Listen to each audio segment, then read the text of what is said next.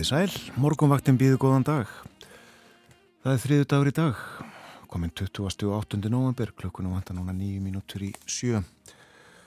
Og hér setja eins og þölur gatum réttilega, Björn Þór Sigbjörnsson og Þórun Elisabeth Bóðadóttir.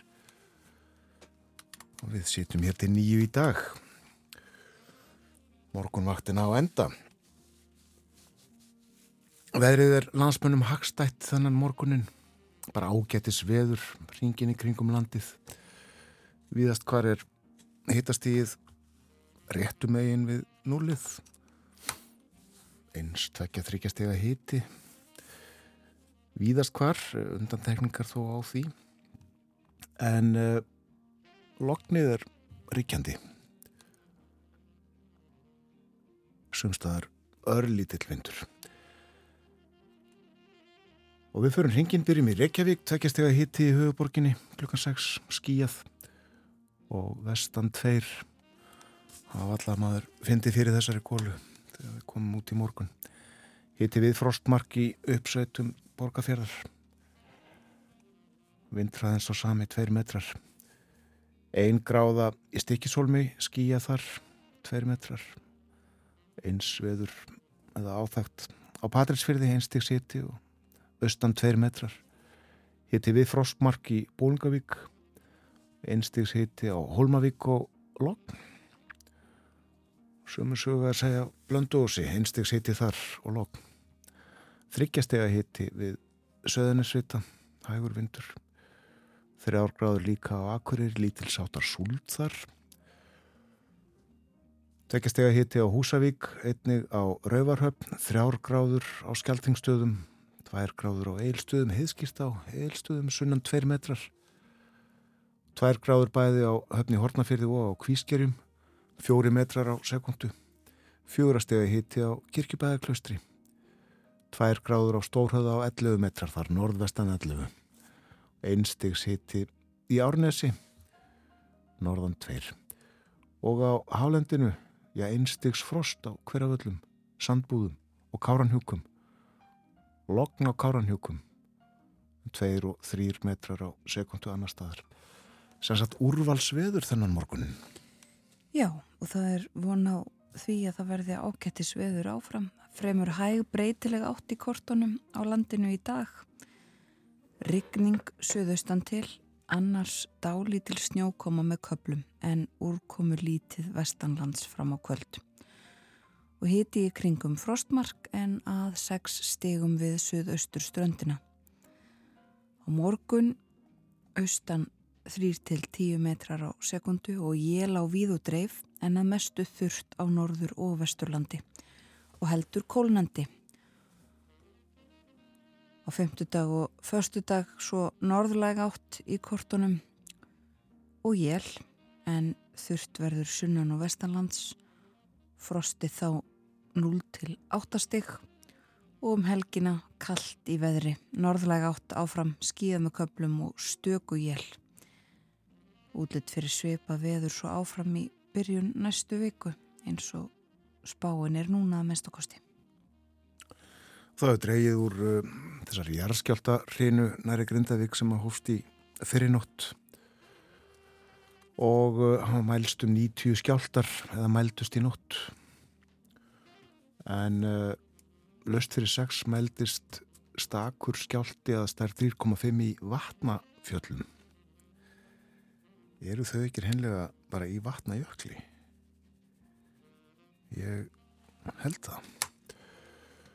En uh, leðrétti ef ég kennst að því að það er ekki rétt um mér. Nefna líka að uh, það gert ráð fyrir all mikilli norðurljósa virkni á morgun og uh, háttar það vonandi þannig til á heimnum að við sjáum dansinn. Nú það er ímislegt á Dagskrá morgumaktarinnar í dag. Tveir fasti liðir, Þorðusnar Júliusson spjallar um efnahag og samfélag hér klukkan hálf átta og uh, Artur Björgun Bóllarsson verður með okkur eftir morgun frednar Berlínar spjall á sínum stað.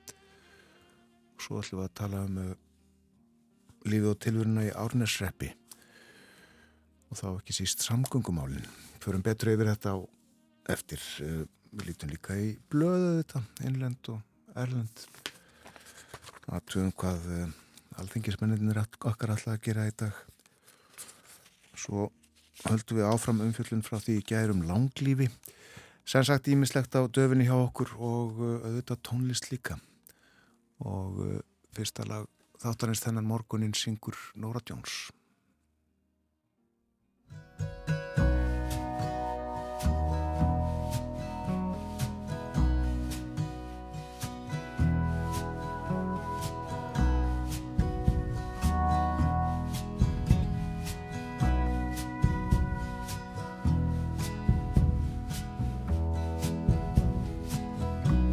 Wake me up when it's over. Wake me up when it's done. When he's gone away and taken everything. Wake me up.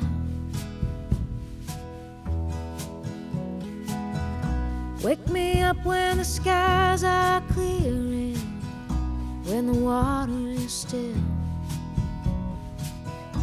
I will not watch the ship sail away. So please say you will. If it were any other day, this wouldn't get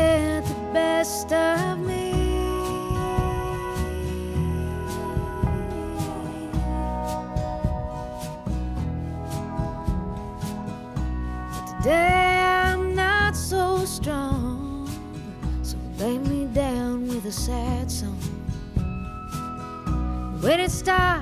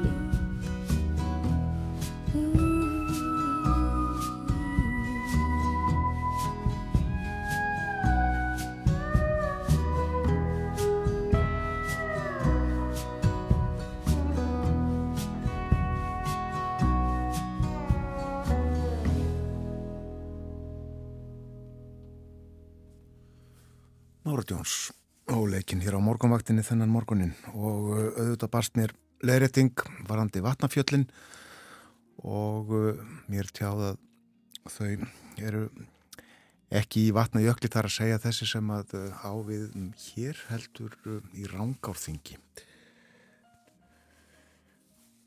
Fyrir kannski betur yfir þetta en það eru sannlega til vatnafjöll sem að eru þarna einn ánga einn margra ánga úr vatnajökli. Þökkum uh, þeim kærlega fyrir er uh, hafið samband og uh, leðrétti þetta ruggl í umsjónamanni. En framöndan eru fréttir.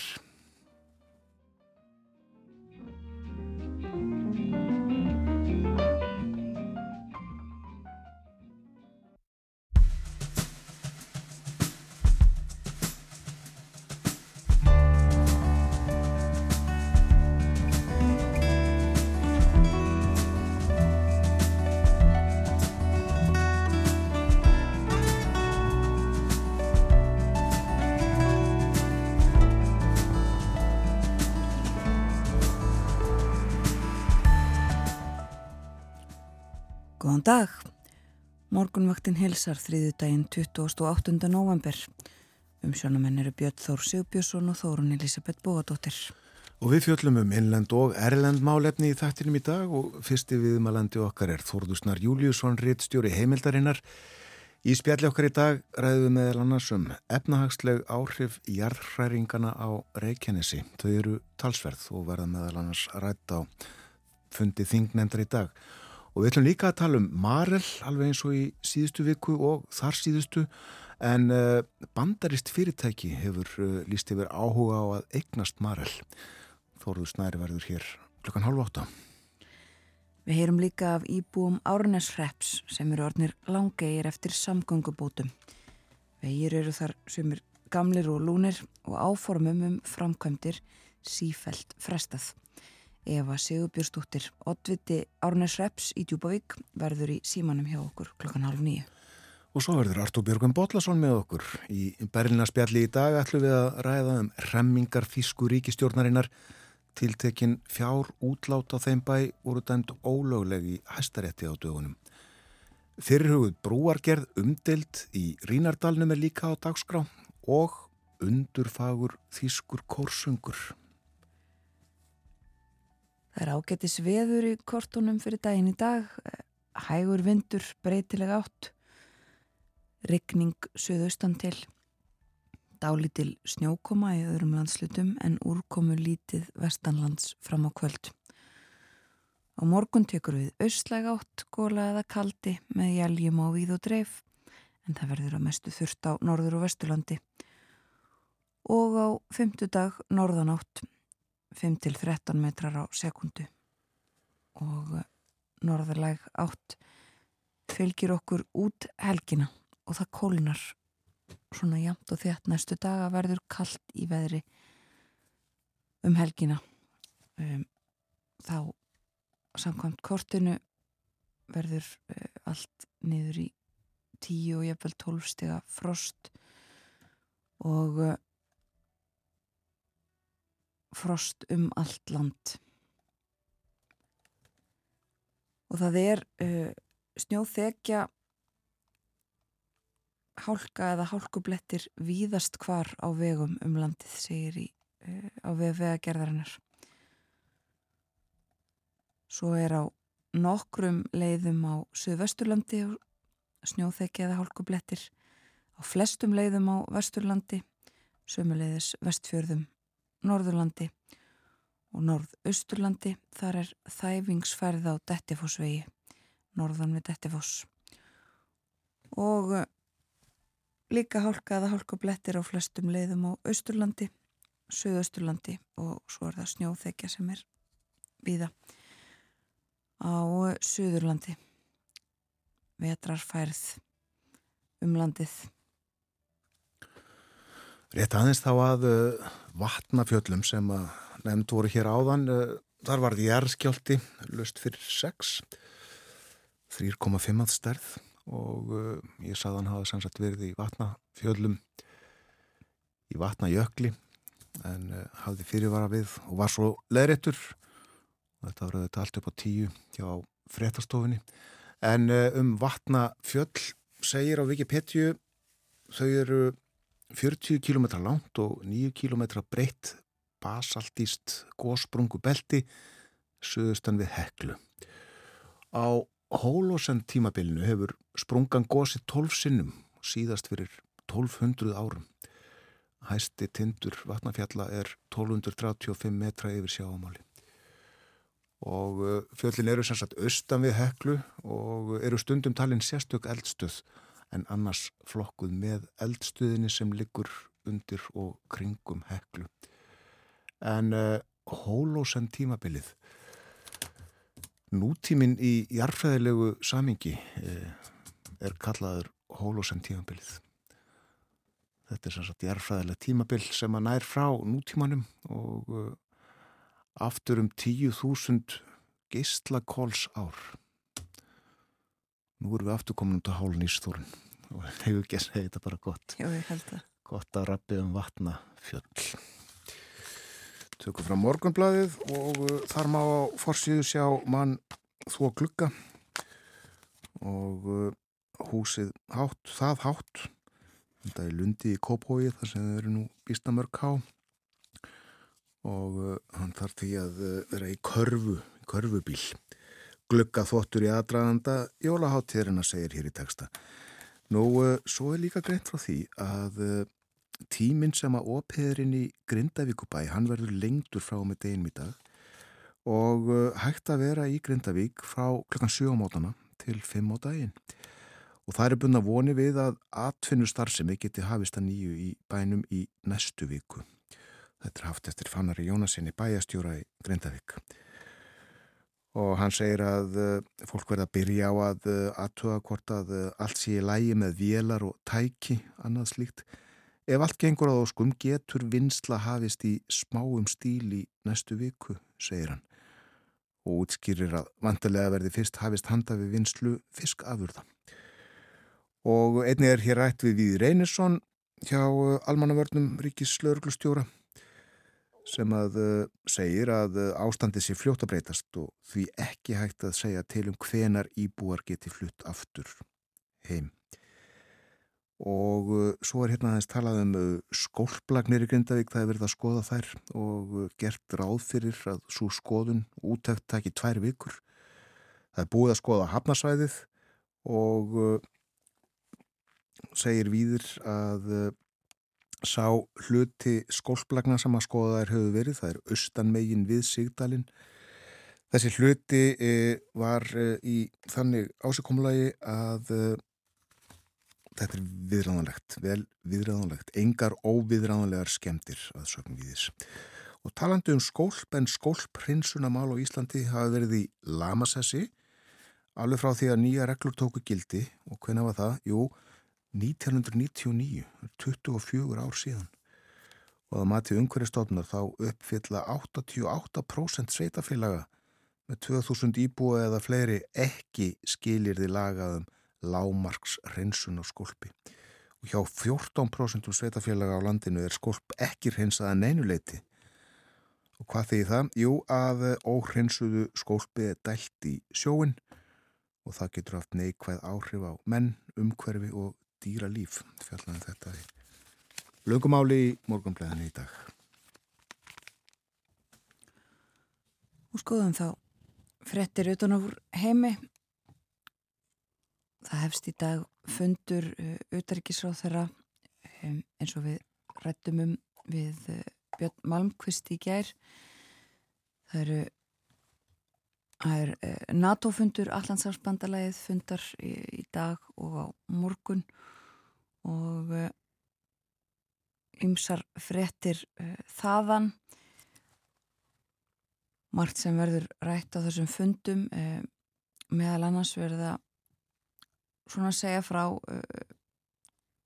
ferðalögum í missa hátt svetra manna. David Cameron er meðal þeirra sem að fer til Brussel í dag. Þetta, í fyrsta sinn sem ofinber ennbættismadur uh, eftir að ég eins og það er orðað þér í frett sem ég með fyrir frá mig uh, herrferð hans fyrir uh, því að breytar heldu áfram í Evrópusambandinu uh, mistókst.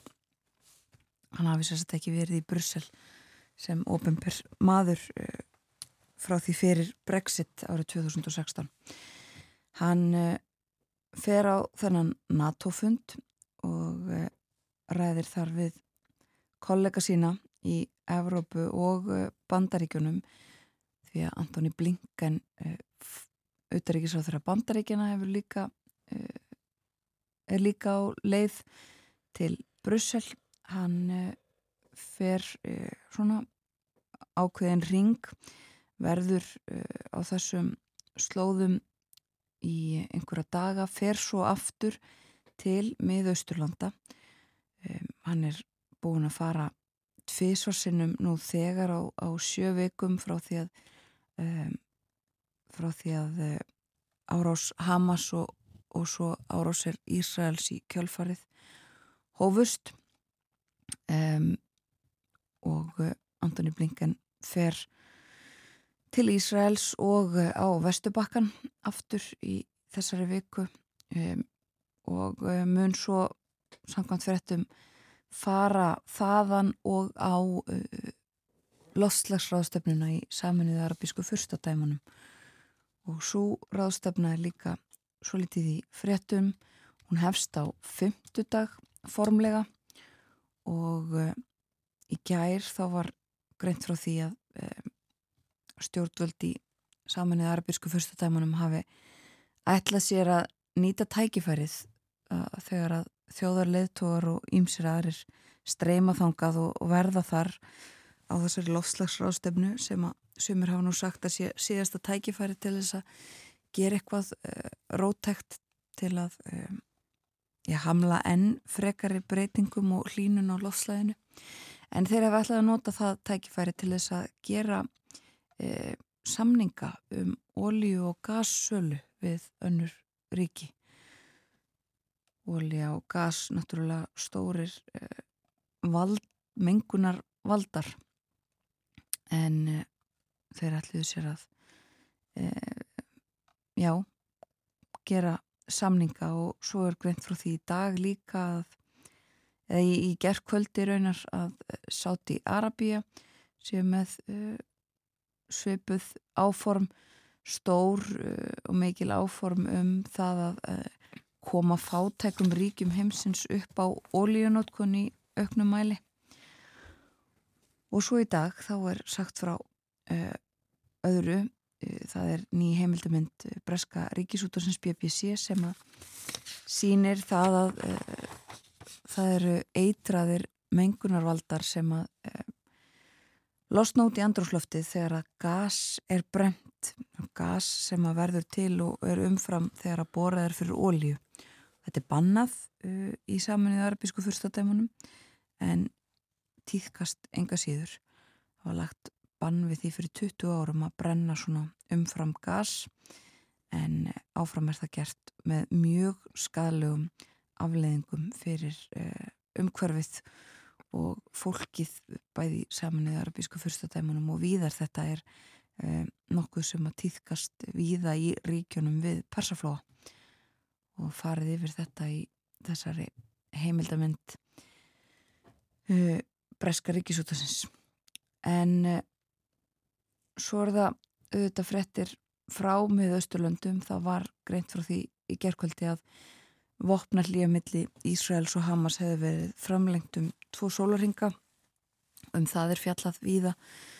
Voru sendi gerðkvöldi látnir eh, lausir gíslar og eh, stemta því að það haldi áfram í dag.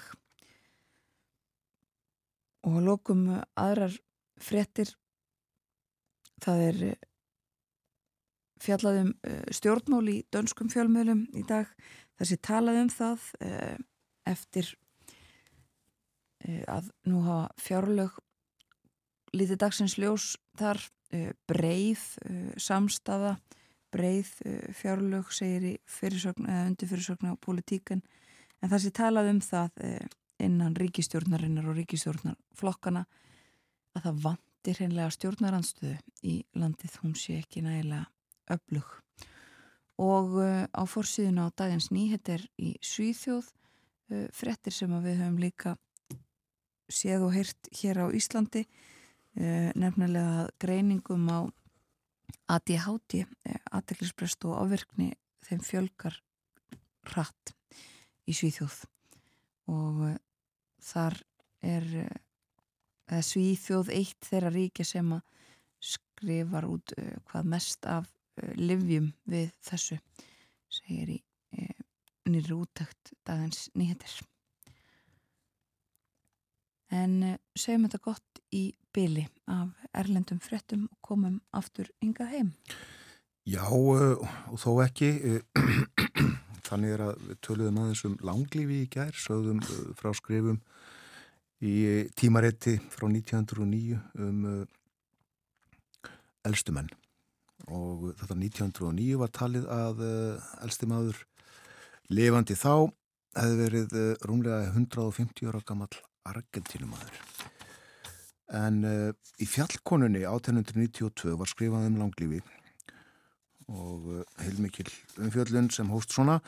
Hagfræðilegar skýslur um langlífi manna í ýmsum löndum eru nokkuð ólíkar sem við er að búast bæði vegna ólíkra lífverðnisháttaþjóðana og þess að skýslunar eru gerðar með ólíkum hætti. Þó virðist svo verða niðurstaðan allstaðar að í stjettum þeim sem vinna engungu líkamlega vinnu sé meðalaldur 45 til 50 ár en meðalaldur þeirra sem vinna andlega og líkamlega 51 til 56 ár og loks meðalaldur þeirra sem engöngu vinna andlega vinnu 51 til 62 ár. Að þér kemur til kynferðis er það sann reynd að hvennfólkið verður að meðaltali eldra en karlmennindir. Þetta getur ekki stafað af líkamsatgerfi hvennfólksins, saði í skrifum fjallkonunnar. Franskur maður, Tissot, heldur að það sé að þakka því hver hvennfólkið er málugt. Segir hann að það örfi blóðrásina að tala oft og lengi.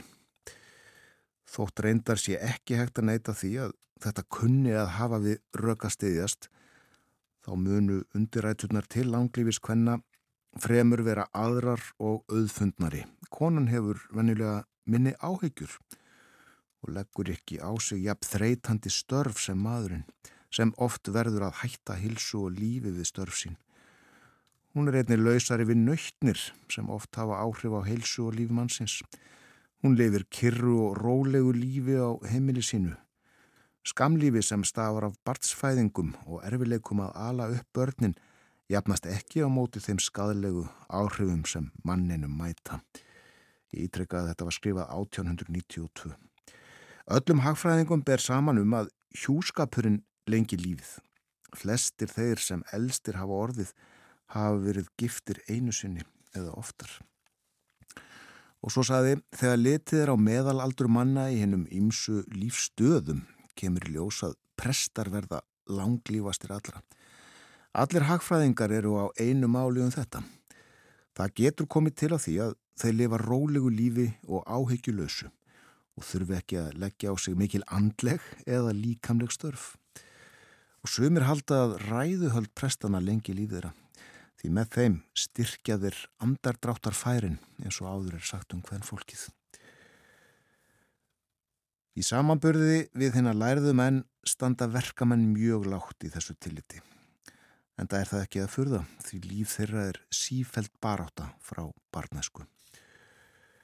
Og svo var sagt frá rannsóknum uh, dansk slæknis vestigordanafni. Hann hafi gefið út hagfræðiritt um langlífi og uh, hafi verið sæmdur verðlönum fyrir það. Hann álítur að eftirtaldir standi allvel að við í tilliti til heilsu og langlífis. Bændur, skrattarar, skósmiðir, malarar, bakarar, vinnufólk, smiðir. En þeir sem hann segir vera versetta og suma illa eru jafnbrutarmenn og ökumenn, prentarar, bókbindarar, leturgrafarar, slátrarar, hattarar, tópakskerðamenn, baðmullarverkamenn, spinnarar, vefarar, myndhökvarar, námumenn, sjómenn, saumakonur. Veitingamenn segja allir hagfræðingar að verði skamlífir og það kemur bæði til af nöytn áfengra drikja og yllu lofti og ennfremur á því að þau get ekki haft reglulegan svepp. Já, það var uh, vitað uh, 1892 að uh, góður nætursvepp væri mikilvægur helsunni.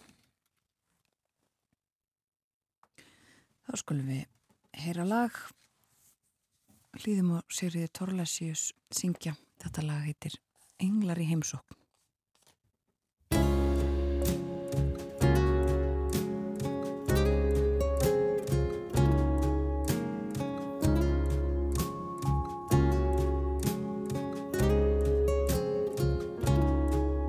Ég spenni greipar einn og hefur ekki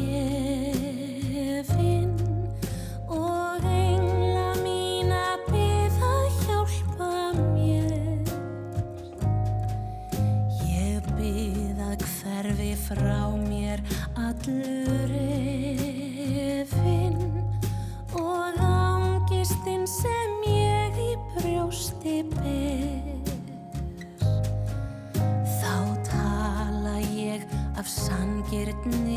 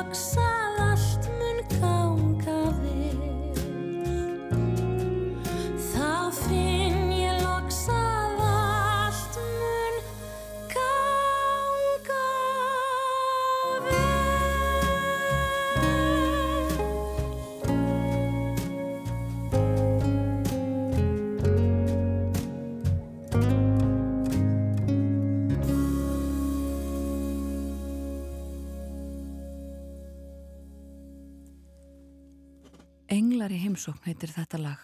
Sigriður Torlasjus söng, lægið er eftir Björgun Þótt Valdimarsson og textin eftir Kristján Reynsson.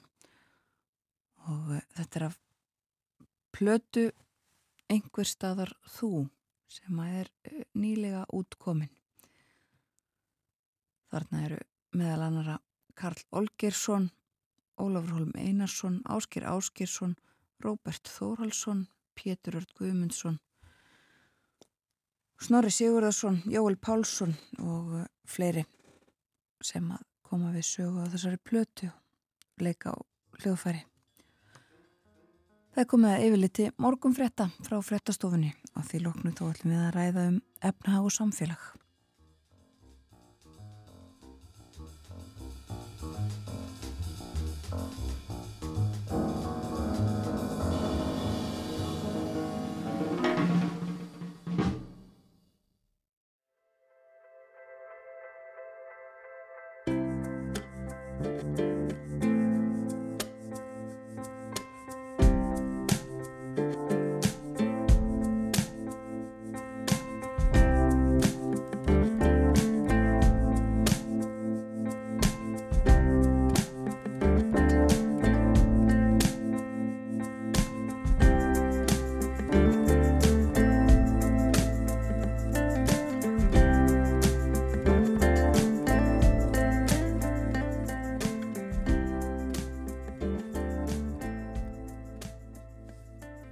Sæl og ný, áframheldur morgunvaktin á ráseitt, yfirleitt morgunfrétta að baki, klukkanarðin rúmlega halv átta. Og svo við staðsetjum okkur aðeins, þá er 28. november í dag og við lítum aðeins til veðurs. Breytilega átt, fremur hæg í dag, 3-10 metrar á sekundu. Regning söðaustan til, annars dálitil snjókoma með köplum en úrkomu lítið vestanlands fram á kvöld. Hiti kringum frostmark en að 6 stegum við söðaustur ströndina. Á morgun tekur við austlæg átt, austan 3-10 metrar og jél á víð og dreif en að mestu þurft á norður og vesturlandi. Heldur kólnandi veður á morgun og uh, það má segja að súðróun haldi svo áfram á femtudag og út helgina að minnstakosti gert ráð fyrir norðulegri átt um landið allt og kólnandi veðri sérstaklega um helgina. E, þá er það tekið fram að það verði kallt í veðri. Já, og rétt að hafa þykku peisuna jafnvel úlpuna innan seilingar allavega Já Aðeins að eh, störum alþengis í dag, eh, nefndirnar funda fyrir hátegi og meðal annars efnahags og viðskiptanemnd og á dagskrá þeirrar nefndar í dag meðal annars efnahagsmál á Reykjaneskaga en þau mál verða einmitt til umfylgnar hjá okkur í spjalli með Þóriðsna Júliusinni ritt stjóra heimildarinnar eftir andartak. Fleiri nefndir funda fjárlaga nefnd og þar á dagskrá fjárlögin, vitaskuld. Ég held að uh, sangant upphæflegri starfs áallum þingsins hafi staðið til að önnur umræða hæfist í síðustu viku, önnur umræða um fjárlögin. En uh, það gerist ekki. Sögur eitthvað verið breytt en uh, þetta á eftir að koma kom inn í þing aftur úr nefndinni þar að segja. En uh, þingfundur hefst hálf tvö og fyrst verður rætt um störþingsins og svo fer fram sérstök umræða það er klukkan tvö í dag um vopnarburð lögreglu og málsæfjandi er Ardís Anna Kristina Dóttir Gunnarsdóttir dómsmálar á þeirra til ansvara og að þessari umræðu lokinni munu umhverfis orgu og lofslagsráð þeirra gera þinginu grein fyrir markmiðum Íslands vegna COP28 lofslagsráðstefnu saminuðu þjóðana sem hefst á uh, fymtudaginn. Þetta var um uh, stjórnmálinn en uh, góðan dag og velkomin í þáttinn Þorðusnar Júliusson. Takk fyrir. Já, ég vil bara byrja á uh, þessum efnahagsmálum á Reykjaneskaga eins og það er kallað í, í pólitíkinni Sælabankin gerði þetta alltaf grein fyrir þessu í síðustu viku ekki satt e, Jú, Sælabankinu þetta uh, gerði líka grein fyrir því að hann ætlaði að halda vöxtum óbreytum og byrti samhliða uh, ásfjórungslega reitt peningamál. Uh, og það var alveg skýrt í yfirlýsingu uh, peningastefnu nefndar að ástæða þess að vextir eru þau ekki hækkaðir í þetta skiptið þrátt fyrir versnandi verðbólkuhórur voru þessar aðstæður sem eru búin að skapast vegna jarraringana í Grindavík. Uh, og þegar maður lesi gegnum peningamál þá er dáltið þungur tótt uh, finnst manni í Sæðlabankanum varðandi uh, áhrifin á efnagskerfið í heild.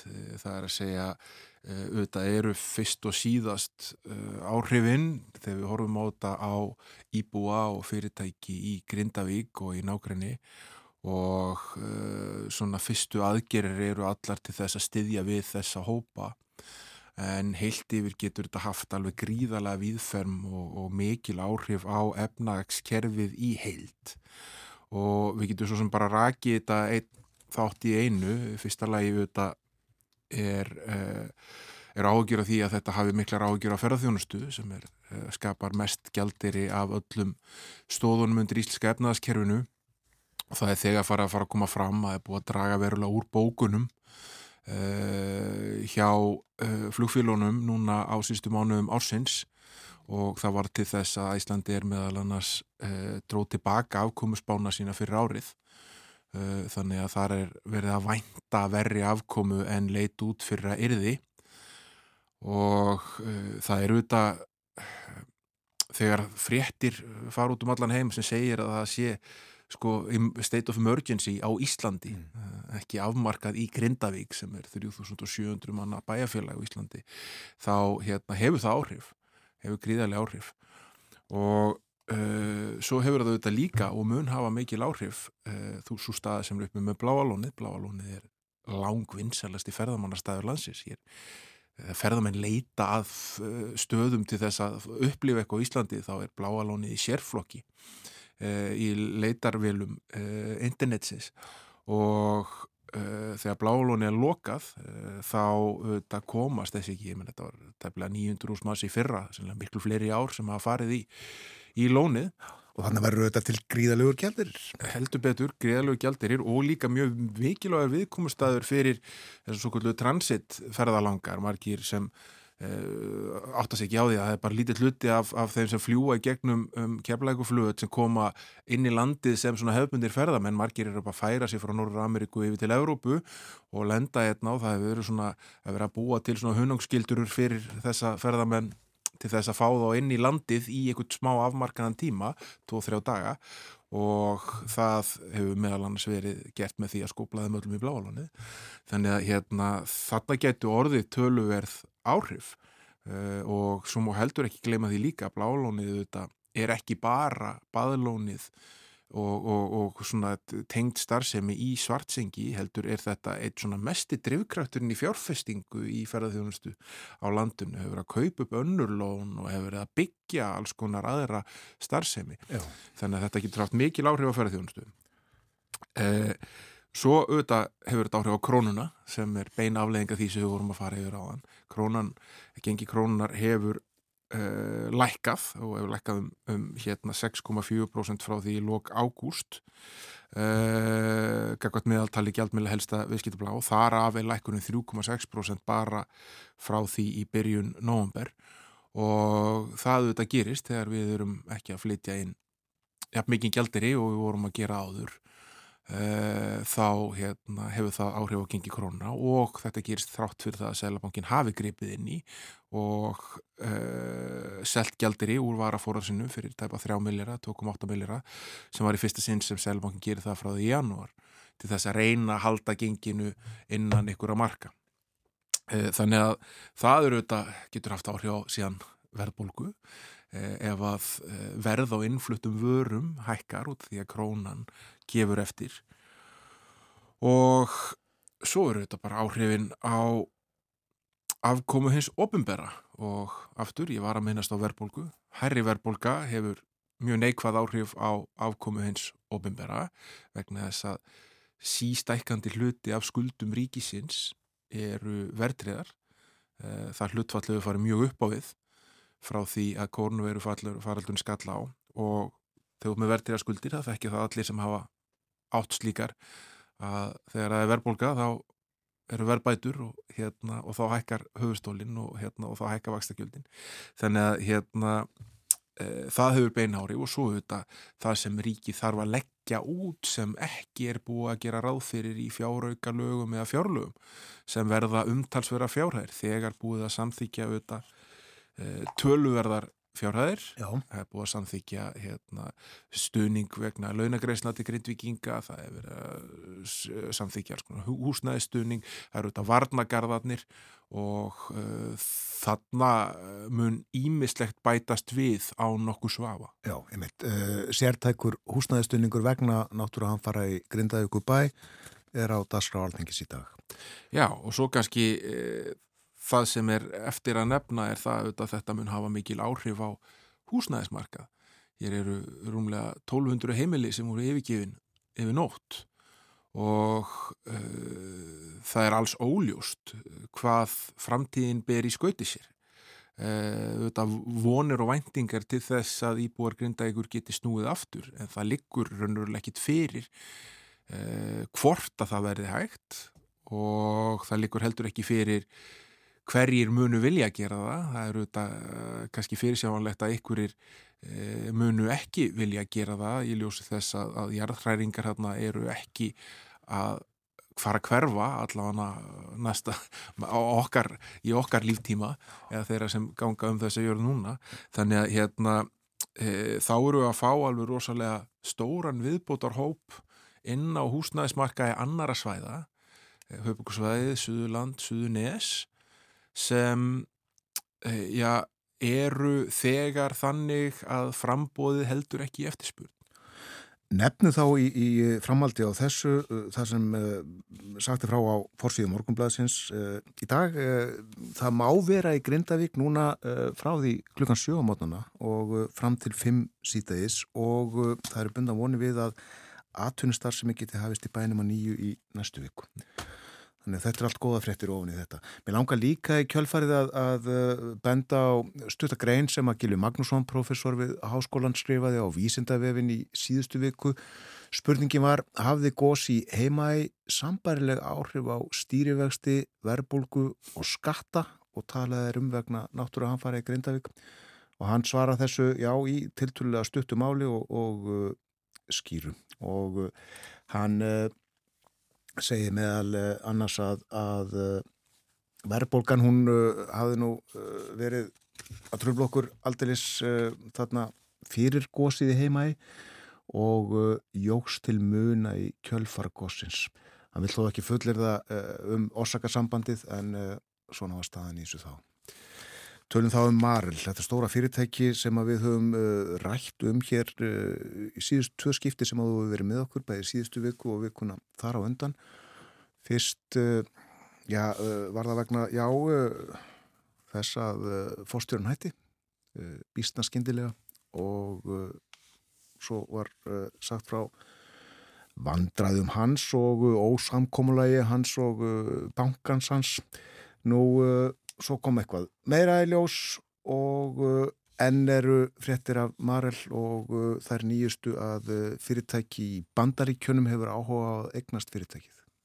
Já, svona furðulega atbyrður á sem maður held að er þið kannski gæti valla orðið furðulegri en varða þegar það byrtist fremur óskiljanlega tilkynning í kaupöll klukkan fjögur á nótt til e, undir lók síðustu viku þar sem kom fram að einhver hefði gert einhvers konar óskuldbundandi yfirtöku tilbúð í Marel án þess að greina frá því hver þar væri og hvað væri undir og svo framvegis.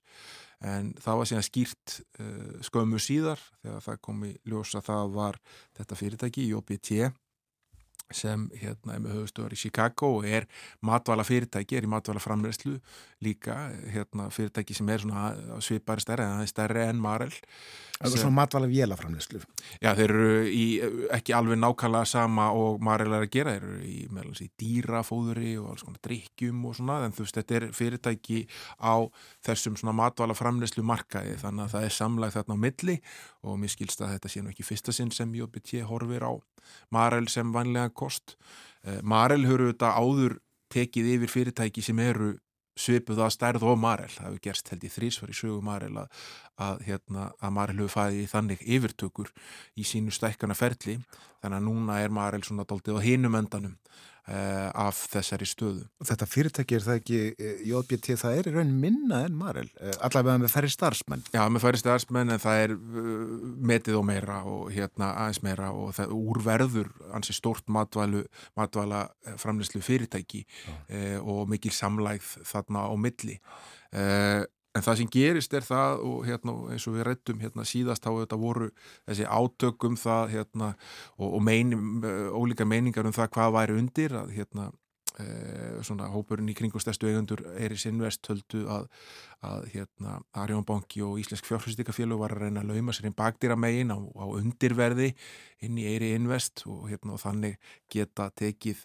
Eh, svona hérna, mikinn hagnað á skömmum tíma þegar veriði Marel farið að hækka á nýju skulum munna það að Marel hefur farið fallið um svona 66% á rúmi tveimur árum.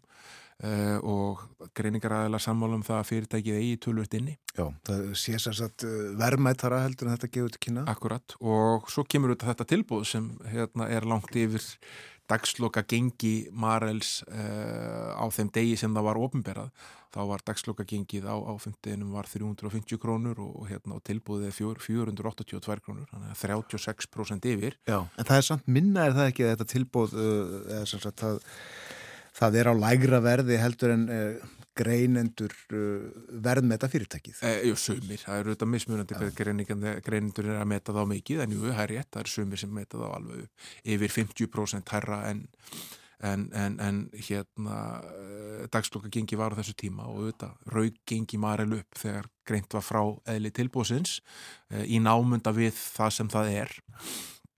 Og e, núna er bara einhvern veginn komin upp á allt unnu staða og hún er markþætt, það er fyrsta lagi hérna standa allir hluthafar Marel frammi fyrir því að þú eru að taka afstöðu til tilbúsins að það 90% þeirra að, til þess að samþykja, til þess að gangi eftir. Eirir Invest sem er stærsti eigandin eh, hefur skuldbundi sig til þess að, að taka tilbúðinu ef að aðri samþykja það. Eh, og eh, það er svona auðvitað bara eins og þú bendir á, þetta er ekki alveg þar sem ímsi greinendur hafa verið að segja að virðið sé. Þetta er auðvitað langt frá því sem virði Marel var fyrir rúmum tveimur árum uh, en tölvöld herra en það var fyrir ekkit svo mörgum dögum síðan. Uh, ef að þessu tilbúið verið tekið þetta er auðvitað bara upp á fjóruða hundra miljard króna sem hefur verið að greiða fyrir fyrirtækið sem er auðvitað svakalega há uppæð þá uh, eru svona ansi margir sem geta að mista kosti já, staða þeirra er mun bættar en hún var fyrir ekkit svo mörgum dögum ég menna við getum horta á þessa leikendur sem við verðum að fjallum hérna á, í undarfæri skipti eh, Átnáð Þórðarsson og fólki í kringum hann verður skindilega í, í miklum álnum eh, og í góðri stöðu og getur gert upp sína skuldir og þarf ekki að glíma við þessi vandaræði sem hafa verið undafarið. Uh, Arjón Banki sem leisti til sín hlut uh, átnáðs og ekkur leiti hlut föður hans í, í Eiri Invest mun allt í enu vera með mun verðmættar egni í höndunum en aftur, svo er þetta bara alltaf þessi spurning, hvað er hér rétt að verð? Já, er ekki einhverju kablar en það í hagfræðinni að virði hlutar eða vöru er bara það sem einhver tilbúin til að borga fyrir það er eiginlega þannig. Og svo eru þetta sko, kannski annur áhrif sem hérna, eh, hefur ekki verið jafn mikið aðtíkla og það eru hvað áhrif þetta að hafa íslenskan hlutabræðamarkað Maril eru þetta svona krúnudjóst þetta er hugvitsfyrirtæki sem hefur byggst upp frá hugmyndi yfir það að vera stærsta fyrirtæki á Íslandi sem það er á umfangi veldu starfsmannafjölda. Og uh, það er ekkit mörg, það er eiginlega ekkit annað solis fyrirtæki í kaupöldinni, alvotek er allt annars eðlis, þótt það sé stort fyrirtæki að mörgu leiti eða verð, mikið fyrirtæki. Restina fyrirtækinum í kaupöldinni eru uppistuður eftir nokkra dagar verum við þrjár útgerir sem útlendingar megi ekki fjárfestegi vegna þess að það er bundið í lögum að, erlendir aðlar megi ekki fjárfesti útgjörum í Íslandi. Og e, svo rosalega mikið af, af þjónustu fyrirtækjum að fá gettismörgum og það er aldrei einslitu markaður. Eh, rétt aðeins að lokum með þetta, eh, það var ekki, eh, nægilega oft ekki fram í þessari tilkynningu að, að þetta tilbúið var í óskuldbindandi er einhver tímarami á einhverju í þesslu þetta? Í raunverulega ekki en uh, þetta ætti nú ekki að taka neitt svakalega langan tíma við erum ekki að tala um einhverja mánuði þetta hlýtur að skýrast uh, myndi ég aðna minnstakosti segja fyrir áslokk Já, en er ekki líklegt að einhver fleiri fyrirtæki eða, eða fjárfestar út í heimi hafi áhuga? maður heyri það strax að, að, og, og höfðu áður þetta ímsir svona vóðunarsjóðir sem eh, eru með það að markmiðum að kaupa fyrirtæki kannski og búta þau niður. Eh, það er þeirra svona aðal strategía að hérna, kaupa og, og fá síðan hæsta verð fyrir ímsar einingar innan fyrirtækjana að þeir hafi haft áhuga og séu að lýsa yfir áhuga að koma inn. Uh, en það auðvitað veldur á því hvaða sín uh, núverandi eigundum Marel vilja fyrir fyrirtækið. Vilja þeir láta búta það niður fyrir aðeins herra verð eða vilja þeir sjá Marel fara inn í annað fyrirtæki svipum gera og verða risastórt matvælu matvælaframlýslu fyrirtæki skráða á bandarækjumarkað Við höfum uh, fimm mínútur enn til umráða uh, nægis á tími okkur til þess að uh, tala um nýtt fyrirkomula gæltöku af bílum. Ég hef ekki að stefna allan á því að ná að fara svona helst yfir það. Gerum það. Eh, það er verið að innleiða fyrsta skrefið í hérna eh, því að leggja á þetta svo, svo kallega kílometragjald og það er lagt núna á það sem kallega vistvænir bílar.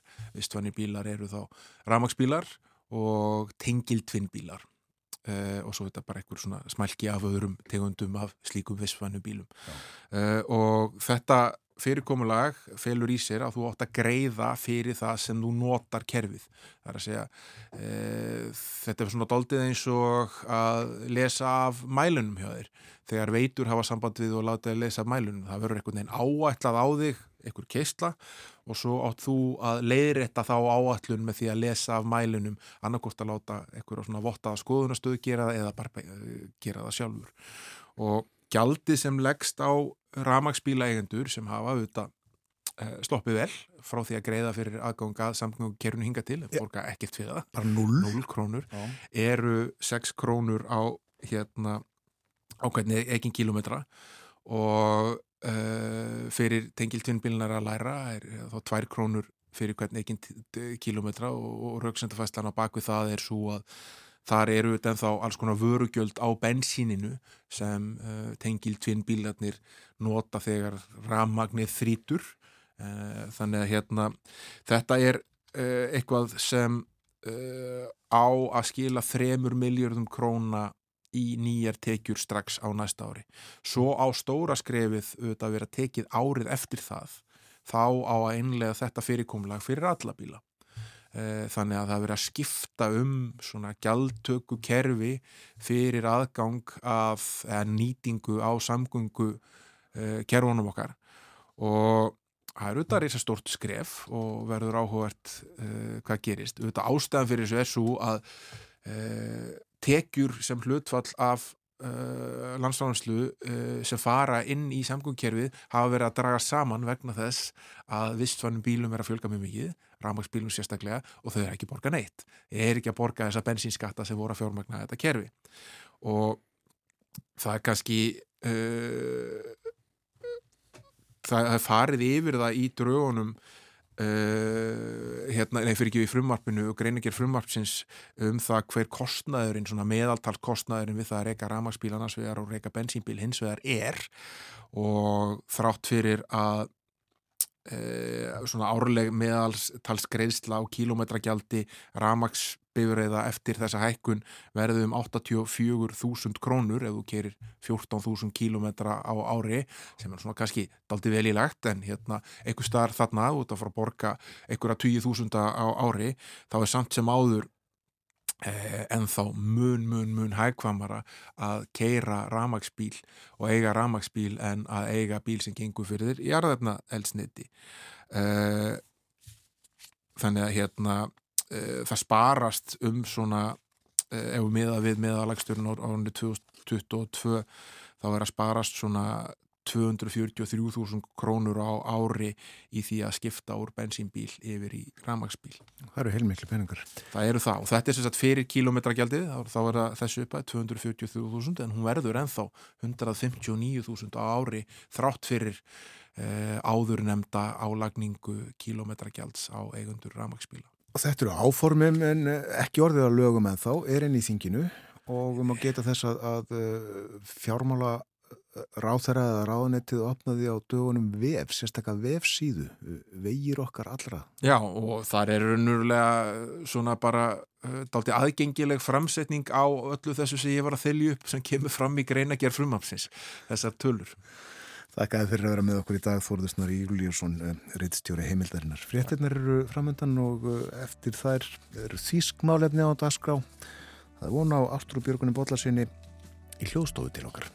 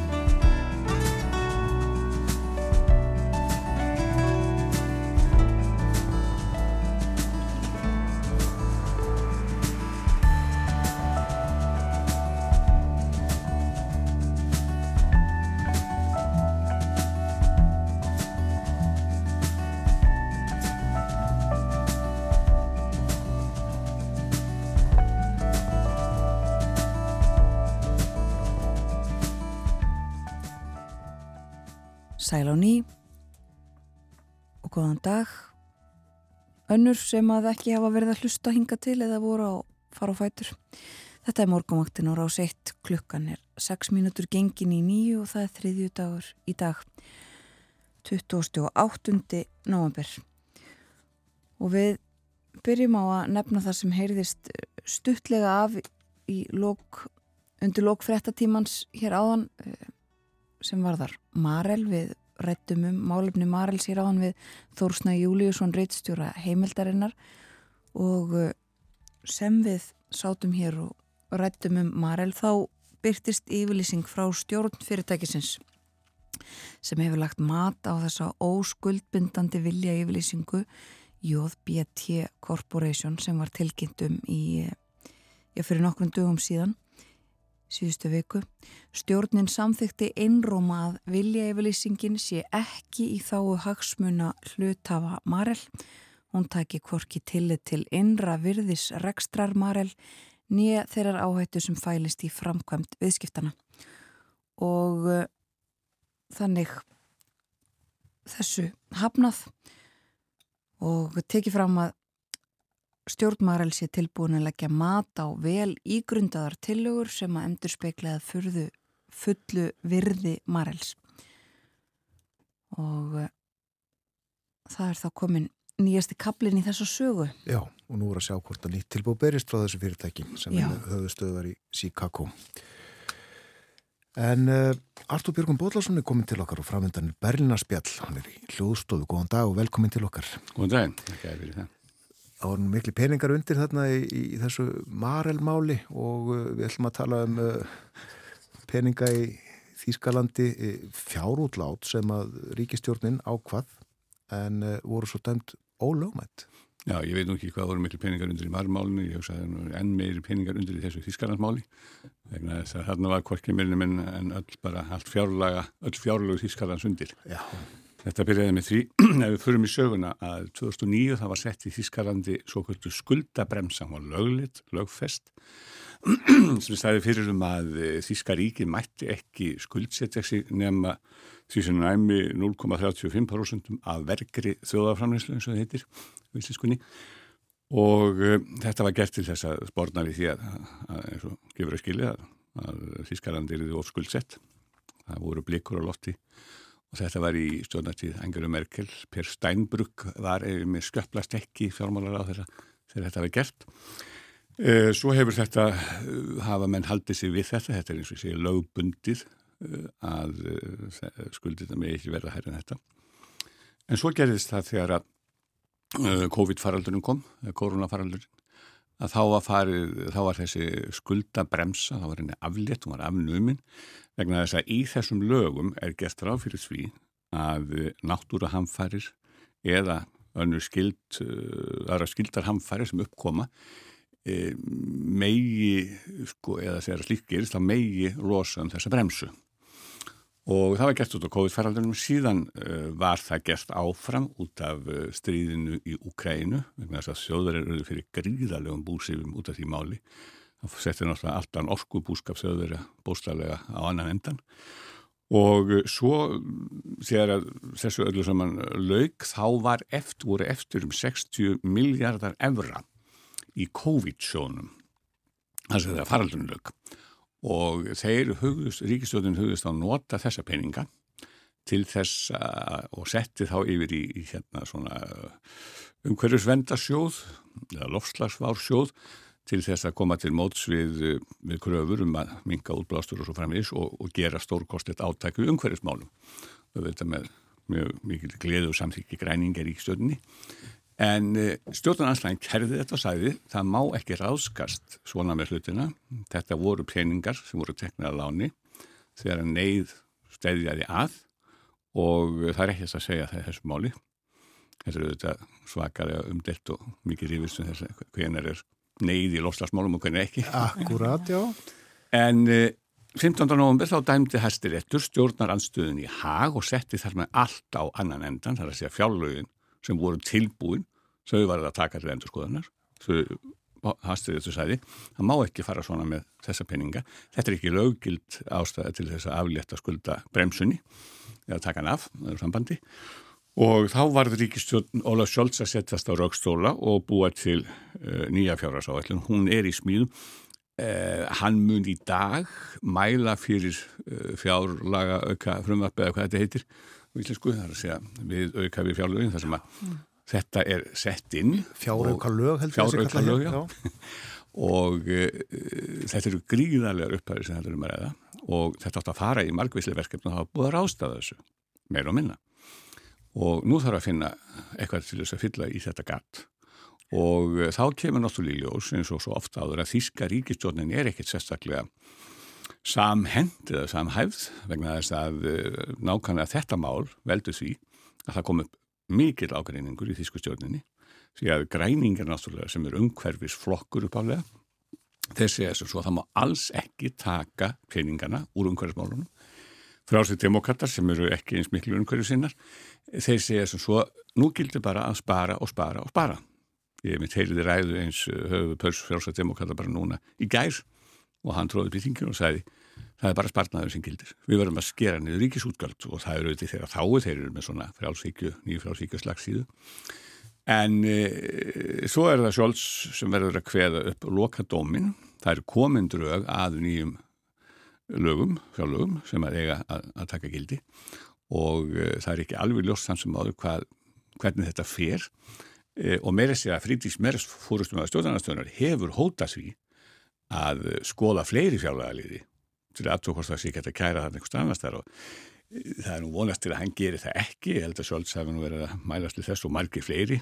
Þetta fari ekki alltaf að lendi einmjögum málaförlum með það að ríkistjóðin sé að fara að vittlust með fjö, eða ránt með fjö en þetta er sem sagt til vestamál og einmitt yfir upp þann ágreining um fjölda stóra mála sem að er ríkjandi innan þýsku stjórnarna því þetta eru flokkar sem að eiga sumpart ekki vel saman það er eilíft uh, rifrildi millir frálsættdemokrata og græninga og þetta mun ekki laga ástandi á stjórnaheimilinu.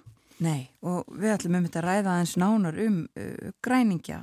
Þeir heldur flokksting í síðustu viku og þar hafa einmitt vendanlega öll þessi mál komið til umræðu þessar uh, uh málameðlanir sem sífælt þarf að gera. Já, já það kom heldur betur til umræðu og það er nú reynda mest að furða hvaða græningarnir þeir eru svolítið eins og barbapappi sögun í Kanada þeir laga sig ótrúlega vel aðstæðum og taka svona alls konar myndkverfingum e, og breytingum en e, þeirra fórustum en ekki sjötta annars æla, Anna Lenna Bergbókundar í saður og, og Robert Habeck e, hérna, umhverjus og viðskiptar áða og varakanslari.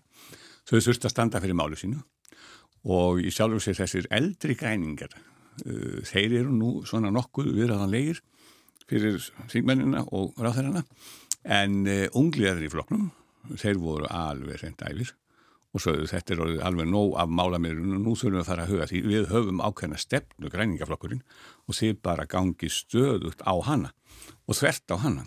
Þannig að þeir reyndu að verja bæði þetta mál og, og sína stuði því sem og önnur því að maður má ekki glema því að græningaflokkur uh, sko, er stopnaður upp á fríðarhefingunni því sko.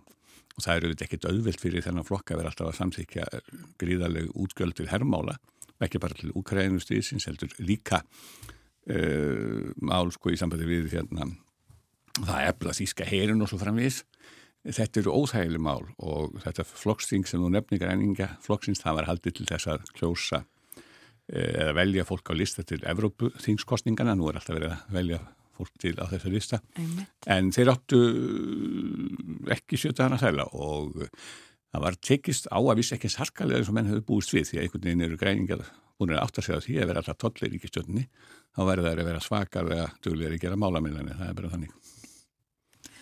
Einmitt, já, ekki eins og til lengur sem við töluðum um í síðustu viku sem ákvaður hennilega að leggja sér niður á sína flokkstingi Nei, er ekki þannig. En uh, við ætlum að tala um önnum mál uh, sem tala um brú. Það eru auðvitað kannski líka stór politíst mál en uh, bygging nýrar brúar yfir rínarfljótt stendur til? Já, það er nú ekki fyrsta búin sem er brúin sem byggður yfir Rínaflöt ég held að séu 264 brýr yfir Rínaflöt í Þískalandi en okkur er þessi eina brú sem nú eh, ég er að, jú, vegna þess að hún er í e, miðju á, á, hún er sem sagt í miðjum Rínadalnum þessi fyrirhugaða brú sem að veri hefur staði hafa svona deilur um. Og uh, hún á að rýsa sem þetta í námunda við eitt frægasta klett í Þískalandi Lórilæklettin og allt þetta svæði í kringum hann er á heimsminjaskrá UNESCO. Og það má auðvitað ekki hrópla við svæðum sem eru þar. Nei, það eru reglurnar. Og uh, það er í mörg, mörg ár hafa íbúar begja vegna rínafljóts verið að óskætti brú þarna yfir. Auðvitað, sko þeir þurfa að- fara með ferju á milli það eru margir sem að búa á öðrum bakkanum og vinna á hinnum bakkanum, þetta er náttúrulega ekki langt á milli þarna. En ferju samgöngurna leggjast auðvitað stundum niður og það er alveg gangur á því. Og, uh, og hérna, þeir vilja fá brú til þess að bara bæta sinn hag. En á móti koma þessi menningarlegu sjónum við að vera ekki að spilla umhverfi Lórilæk Klettsins vegna þess að hann er, þetta er eitt, eitt mesta sko aðdráttar ja, þessi klettur hefur gríðarlegt aðdráttarafl og hann að sigla margir og skoða klettin og hlusta á sögur.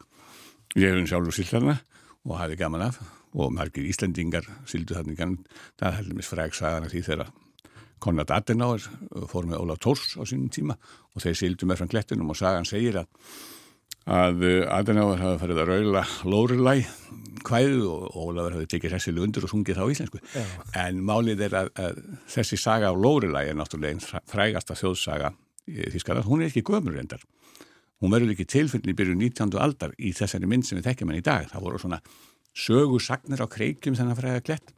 En Clemens Brentano hér Þískald og hann orti bálk mikinn um þess að hafa gúu eða, eða sem sagt örlaga dís sem að sæti þarna upp á klettinum og, og sæði til þess að og væri svo fögur og, og glæsilega og syngi svo fallega að hún uh, gessamlega töfraði uh, þá sem fylgdu um, um, um ána.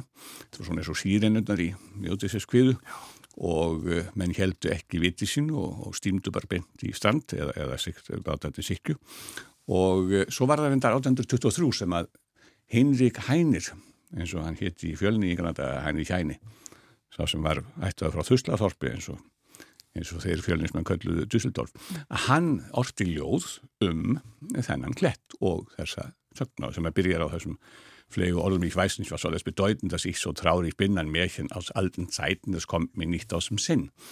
Og ég er ekki að fara með þetta leng, lengra, ég leiði þetta ungur maður í Þískalandi, nema hvað að þetta var svo þýtt á íslensku uh, af Stengri Þorstinsinni Uh, ég veit ekki að hvað skona völdum svo viknandi ég er, en saga frá umlinum völdum fyrir eigur huga mér. Og þetta þessi saga og þetta kvæði eftir hæni var það ekki bara vinsætt í Þískalandi heldur um viða veröld, síkjald nokkur gerði lag við þetta sem er mjög frekt og, og e, mér telst til að sjö Íslendingar hafi þýtt þetta kvæði á íslensku, korki fleirinni færri og uh, það er aldrei meskilvægt.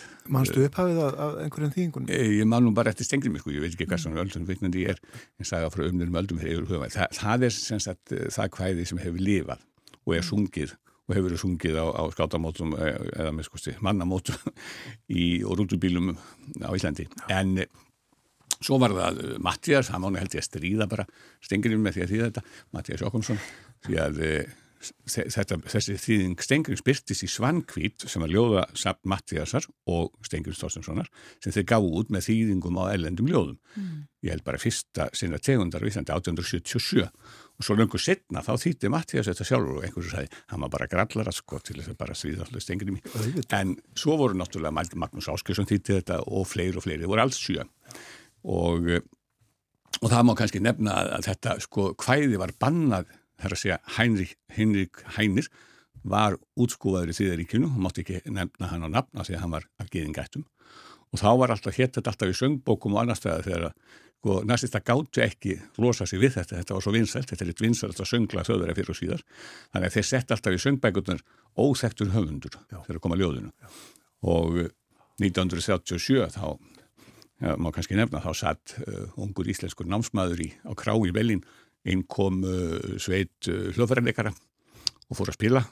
Og þennan unga mann sem var áriðin svolítið reyfur af assísku eðal öli hann langaði til þess að heyra eitt lag þeim og fór og baðum þá um að spila þetta lag. Hvað er gerðu? Strax ómaði lag síkjels um, um, um, um salin en þá stóðu upp sískur hermaður úr rauðum nazista og hann sagði hvað á þetta þýðar að spila þetta lag hér? Þetta má ekki heyrast hér en uh, Íslendingurinn sem hér Sverri Kristjánsson var setna þetta tekstustu þakkfræðingu þjóðurinnar, hann sagði við þennan mann þetta lag hefur verið leikið og sungið á mínu heimalandi Íslandi í fjölda ára og uh, við verðum að fá að heyra þetta, ég verði að fá að heyra þetta. Og það gekk eftir. En uh, þetta sem þetta er uh, eins og ég segi mest sungna lag allra tíma í Þískalandi mun vera. Og ég myndi bara að reyna að skella því á undir, undir hérna geyslan. Við skulum gera það, hlustum hér á Kór syngja. Takk fyrir að vera með okkur í dag, Artur Björgum Bóllarsson. Takk sem leiðis.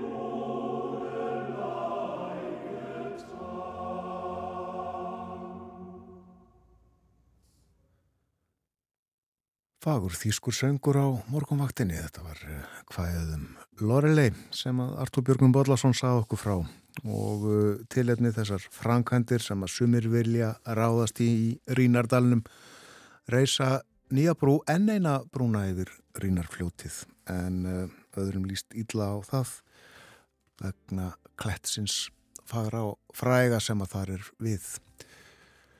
Það líður að frétta yfir liti hjá okkur, fáum það eftir 5 minútur, uh, heyrum fyrst auglisingar og uh, eftir frétta yfir liti þá ætlum við að taka upp síman og uh, slá á þráðin og vonast til þess að í hans svari Eva Sigurbjörnsdóttir Oddviti Árnesreps við ætlum að tala um, já, vegi, vegafrankandir en það er ekki gengið í að prata að bæta vegina í Árnarsreppi eins og uh, hún vildi.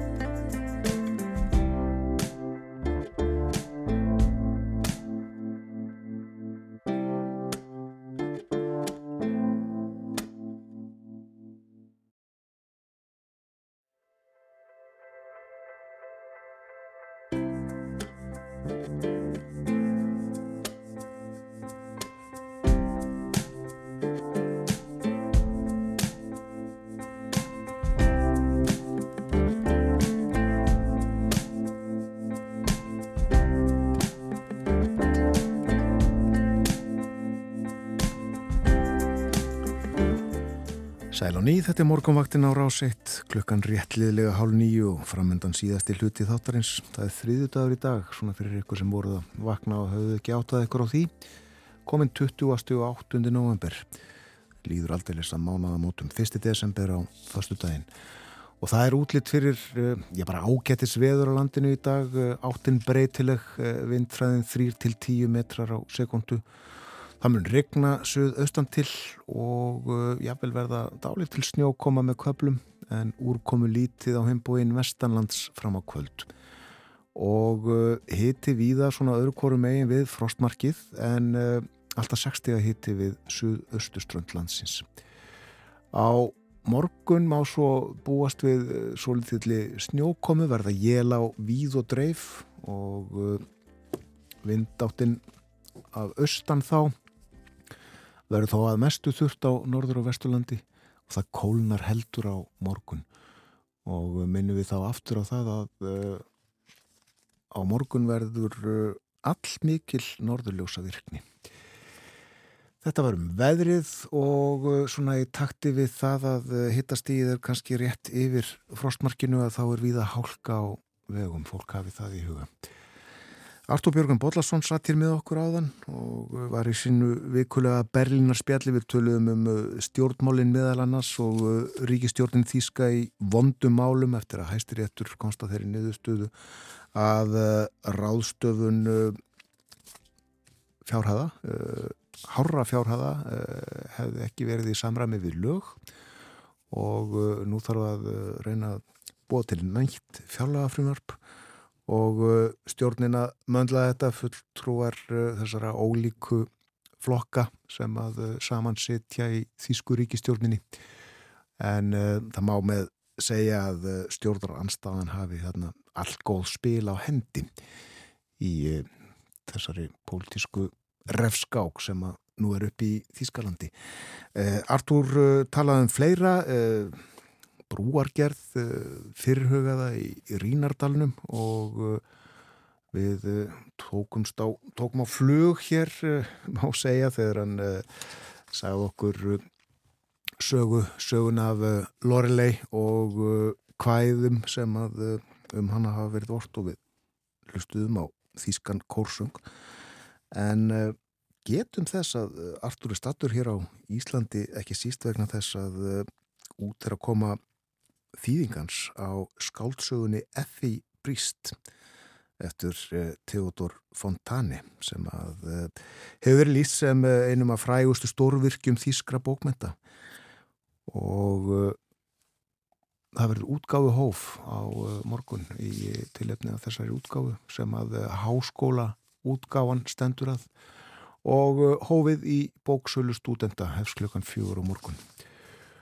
Þar getur fólk farið og hitt Artur Björgun yeah rappa við hann og uh, ég vil segja frá því líka að uh, það verður fjallað um uh, þessa bók, þessa þýðingu með spjalli við Artúr Björgvin í þættinum bara bækur hjá okkur á rásætt eitt á lögadaginn. Og að því við myndumst á frostið og snjóin ég vil þá ekki að fara aðeins í hugunum annað heyra smá jazz afró kúbverskan jazz. Þetta er Machito.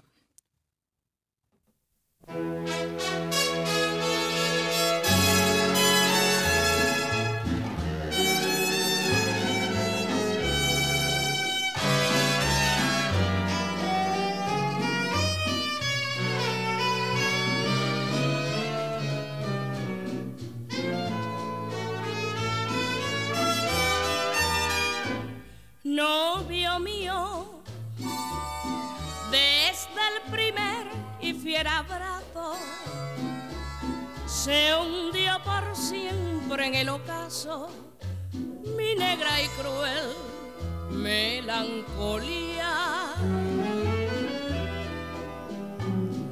Novio mío, se en mí la desconfianza reviviendo las esperanzas cuando jamás lo presentía.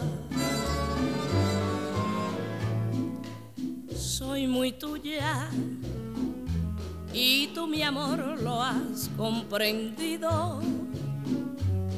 De ver así, así rendido a tu capricho mi al abismo. No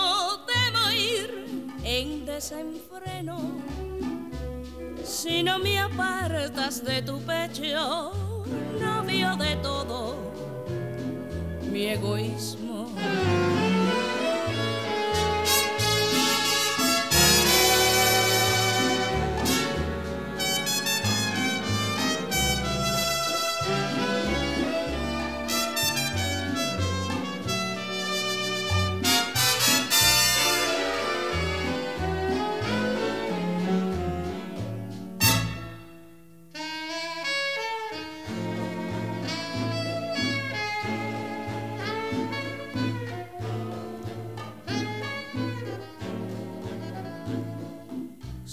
Soy tuya y tú mi amor lo has comprendido.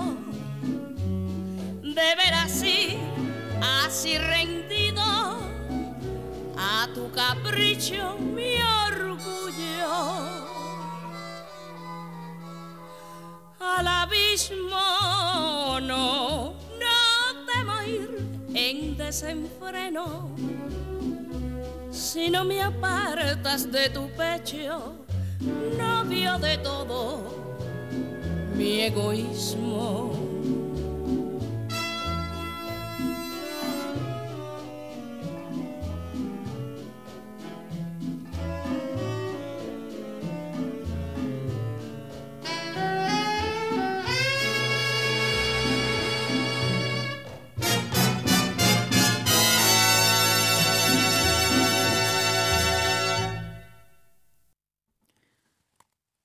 Novio Mio heitir þetta lag.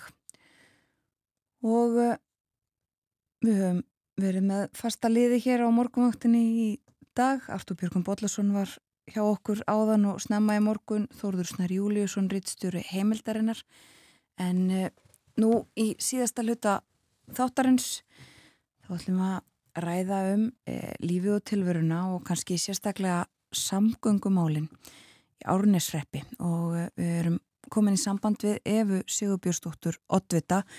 Hún er í Djúbavík, ekki satt, góðan dag Eva. Jú, góðan daginn, ég er þar. Hvernig viðrar hjá þér nú í morgunsárið? Bara dásamlega. Já. Það er búið að vera fínir í sveður núna síðustu dagana. Það var smá snjórum helgina og svo tók hann bara allan upp á sunnudaginn og það bara búið að vera eins og voru degi líka við. Já. Það er nú gott. Við ætlum að ræða samgöngur og það er velta oft svolítið á veðrinu. Já, það gerur það. Um, Kanski byrjum á að nefna það að, við rættum saman í ágúst og uh, þá töluðum við meðal annars um yfirleysingu sem að þið gáfuð frá ykkur um, um að þið veru reyðubúin í saminningar við önnur sveitafjölu á vestfjörðum. Nákvæmlega að Já. spyrja þið kannski fyrst, hafið þið fengið einhver viðbröð við þessu nú nokkur mánuðum setna? Já, já, við höfum fengið það og sumt meira í alvöru en annað af því að við erum náttúrulega eh, svo óskaplega fjarrri öllum öðrum og erum fá og þess aftar þannig að það er nú sko hægara sagt en gert að saman okkur það er hægt að gera það að nafni til að sjálfsögðu en varðandi samgöngunar þá vantar þetta allt upp á sko. Akkurat. Já, er ykkur, komin einhver alvara í einhverjar? Það er nýbúið að hittast núna uh, þessi þrjú sveitafjölug á ströndum, strandabygð, kaldranisreppur og árnisreppur Já. og það er svo sem kom ekki beint neitt út úr því en við erum þá allavegna búin að viðra hugmyndir okkar svona hvert við annað og, og hérna og okkur finnst við svona, þú veist, við getum þetta ef, ef, ef út í það fer. Mhm. Það bara þarf svona aðeins að sko, það eru samgönguna líka enga síður sko, þó að sé svona stutt á mill okkar. Þetta eru sveitafjölug sem liggja hérna hvert upp að öðru. En, eh, en veg, veginni hér hjá okkur eru bara þannig að þeir eru ekki, það er ekki hægt að nýta þá alveg á fullu, fullum fettum sko yfir veturinn, hingað ín í árninsrepp og þar stendur eiginlega nýverðin í kunni svona sem leiti. Akkurat, já, þið hafið sagt það og mér minnir þið hafið sagt það strax í emitt í þessari yfirlýsingu þarna Já. í sumar að það eru þetta forsenda þess að hægt sé að komast á milli staða innan sveitafélags til þess að Já, þessi saman. nákvæmlega. Já. Það var alltaf gullrótin hérna í gamla daga þar var við að reyna að, að, að hérna samina sveitafjölug að það væri yrðu stittar vegalengdir og, og byggja betri vegir sem að fólk meðal annars myndi hafa upp úr krafsinu. Já.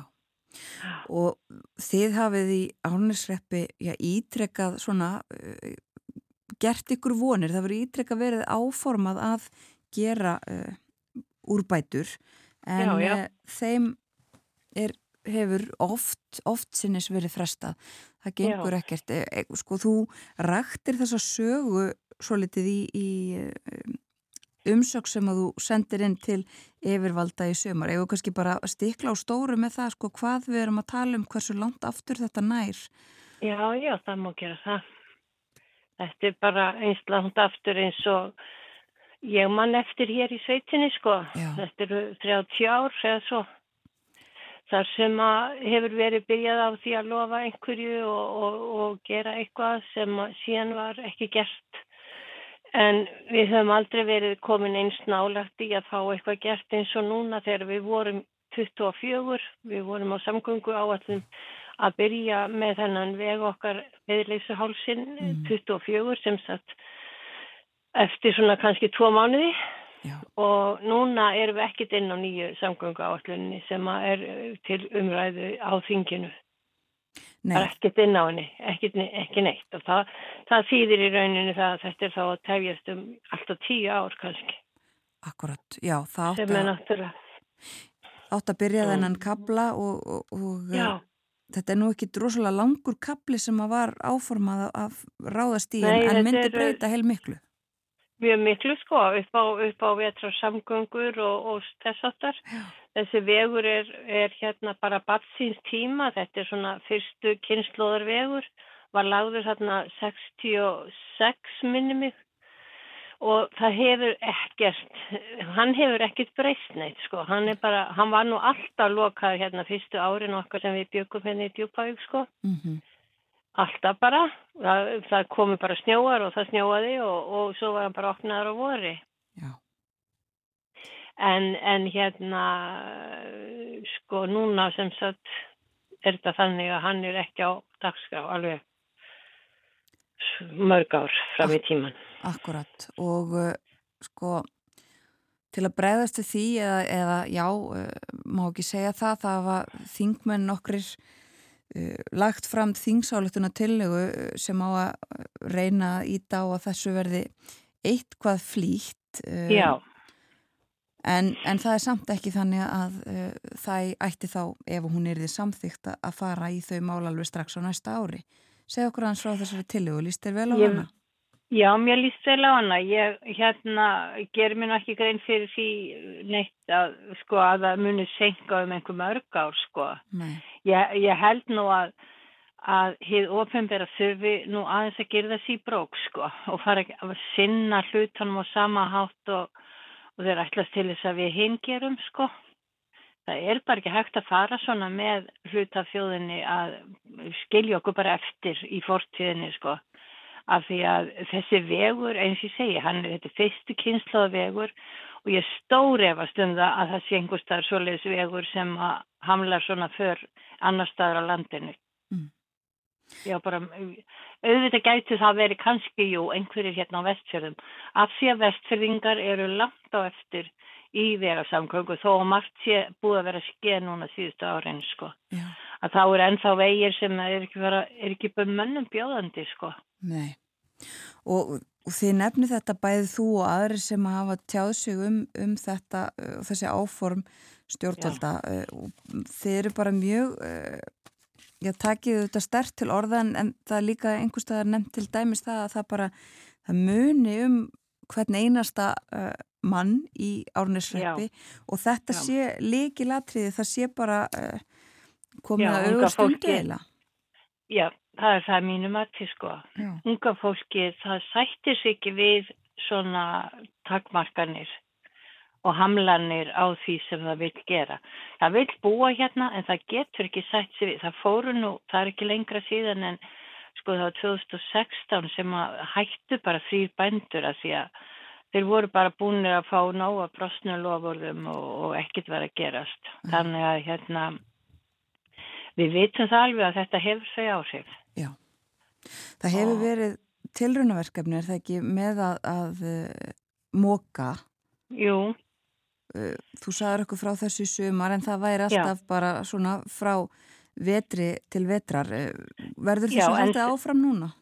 Já, það verður gert. Ég er Já. búin að fá bref upp á það og þá er þetta þriðji veturinn mm. bara í sögu árnætsreps sem þetta er gert þannig að, að hérna, við erum allsal með það Já. en það, það duður samt ekki til þess að, að hérna, við verðum bara ánað og þegjum sko því að hittir allt eftir og hérna já við þurfum bara virkilega á því að halda að það sé lítið á okkur sem manneskjur hérna og, og, og hérna þetta er ekki nema 12 kílometrar þessi kapli en ekki eins og þetta séu 100 kílometrar sko. Þannig að þetta er rosa erfitt að sætta sig við þetta. En ég vona að þessi þingsálíktun, hún muni hafa eitthvað að segja.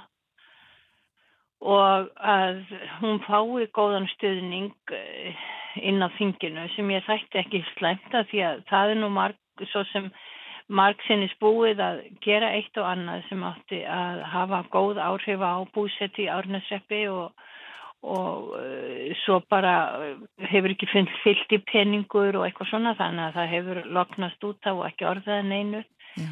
en vegamálin er bara ekki hægt að gera það sama við uh, enda laust við bara, við getum ekki sætt okkur við það. Nei, og ég veit að þú uh, skrifar bref og uh, lætur í þér heyra uh, mm. hefur já, hefur eitthvað heyrst frá til dæmis ráþörum eða öðrum ráðamönnum varðandi þetta nú í haust? Nei. Nei. Það er ekki gert það, ekki varðandi Elisa Hálsson.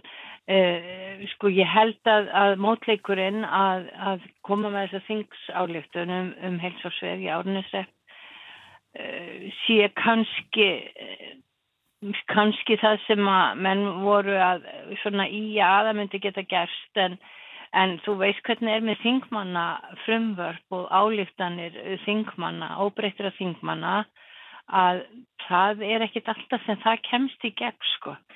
Uh, nú er reyndar Jarni Jónsson sem er fyrsti fluttningsmaður, hann er, hann er hérna um, líka formaður umhverfis og samgöngunemdar alþingsinn sko Já, og við, ég og, og varóttu til minn Arin Björn Bernarsson í Norðurfyrði, hann, við fórum saman og hittum nefndina um daginn og eh, við, ég svona leifi mér að vera vangóðum að það verði nú eitthvað gert. Af því að þetta var hvort þið er verkefni sem átt að gera á þrem árum sko.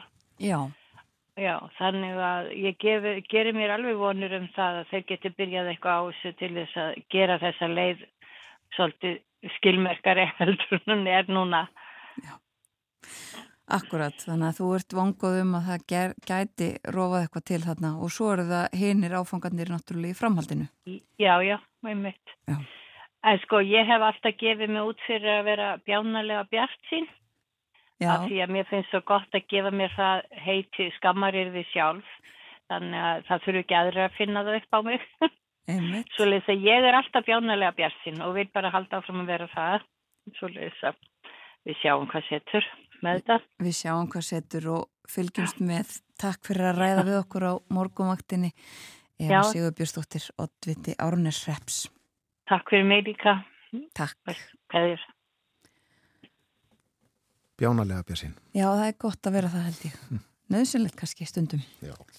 Við rættum um uh, ja, samgöngu úrbætur sem voru komnar á samgöngu áallun. Það átti að hefjast handa á næsta ári þarna en uh, svo kom fram ný samgöngu áallun og þar var ekkert um, um þetta að finna vegin yfir veiðileysu háls. Þetta eru 12 kílometrar uh, og kostnaðurinn áallaður eitthvað staðar í kringum þrjá og halvan miljard held ég að ég hef séð.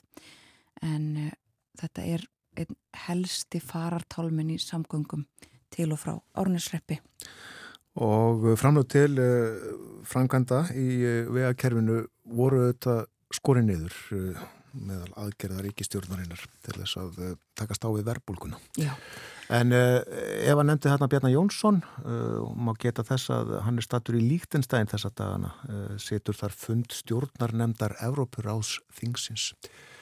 Og nefndir þingsins funda fyrir hádegi, við fórum yfir þetta snemma í morgun, uh, málefni Grindavíkur til dæmis á dagskrá í þingnefnd í dag og einnig á þingfundi. En í sjónvarpinu í kvöld, Torkinu, uh, nýja umræðu þættinum sem er uh, á staðnum í dagskránum þar sem að Kastljós er vanlega, þar verður í kvöld til uh, umfjöldunar uh, staða grindvikinga nú þegar rúmar tvær vikur eru síðan að rýma þurfti Grindavíku bæ.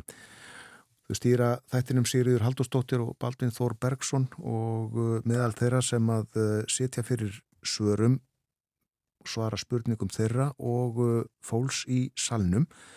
Verða Katrin Jakobsdóttir fósættisráð þeirra, Víður Reynisson uh, hjá Almannavörnum verður þarna, líka Ingibjörg Lilja Ómarsdóttir. Hún er stjórnandi þjónustu miðstöðvar fyrir grindvikinga, Fanna Jónasson bæjastjóri verður þarna, Hulda Ragnhöður Árnadóttir í náttúra hanfara tryggingum og fleiri. og þetta er dagskráni já, klukkan rúmlega halv åtta í kvöld Ég var að nefna frétt sem að uh, barst í gær uh, og minnir okkur á að nú er árið að verða liðið. Desember, síðasti mánuðurinn tekur við á föstudag og uh, þessi frétt uh, fjallar um orð ársins 2023 og það er í, Merjam Webster orðabókinni, elstu og held ég stærstu svona orðabók Ameríku og orðið er uh, authentic, ekta eða ósvikið gæti það þýðst sem og greint frá því að það hafi verið töluvert mikil fjölkun í leit að þessu orði á árunni sem er að líða. Áhugin er rakin til frétta og samtala um uh, gerðvigreind, fræðarmenningu, sjálfsvitund og samfélagsmiðla meðal annars. Og ein ástæði þess að fólk leitaði mikið að þessu orði er svo að það hefur þó nokkrar merkingar. Það getur þýtt bæði já, ófalsaður uh, og þannig ekta en líka samkvæmur sjálfum sér eða svona sannur sjálfum sér og uh, og ímislegt fleira og, og merkingin svona allavega kemur það fram í þessari uh, frétt svona erfitt að skilgreina nákvæmlega og ekki kannski allir samála um þetta en, en þetta þykir allavega fela í sér eiginleika sem eru eftirsóknarverðir. Og það eru auðvitað þessi uh, djúb uh, djúb falsanir og ímislegt annað sem tengist þessari gerfegrind sem líka kemur þarna inn í. Og það voru mörg önnur orð sem að tiltekin voru svona komu uh, líka til greina um, meðal annars kríning tengslum við kríningar aðtöfnu Karls konungs í Breitlandi og uh, deepfake emitt djúbfalsanir var líka annað orð en uh, við höfum nú ekki uh, fengið uh, það er ekki sérst hafin söpnun uh, og tillögur að orði ársins hér en það hefur verið undanferðin ára á rúf orð ársins valið og ég held að tillögurnar að það verði opnað fyrir það að senda inn tillögur á förstudaginn, 1. desember og svo er þetta alltaf tilkynnt með viðhöfn undir lokárs en morgunvaktinni er lokið þennan morgunin Já, klukkan alveg að verða nýju við hefum setið síðan fyrir sjö í morgun og uh, verðum í okkar sætum í fyrramálið Björn Þór og Þórun Elisabeth við þökkum samfélgina síðan 6.50 og uh, vonum að gæfan verði ykkur hlið á til dag Verðið sæl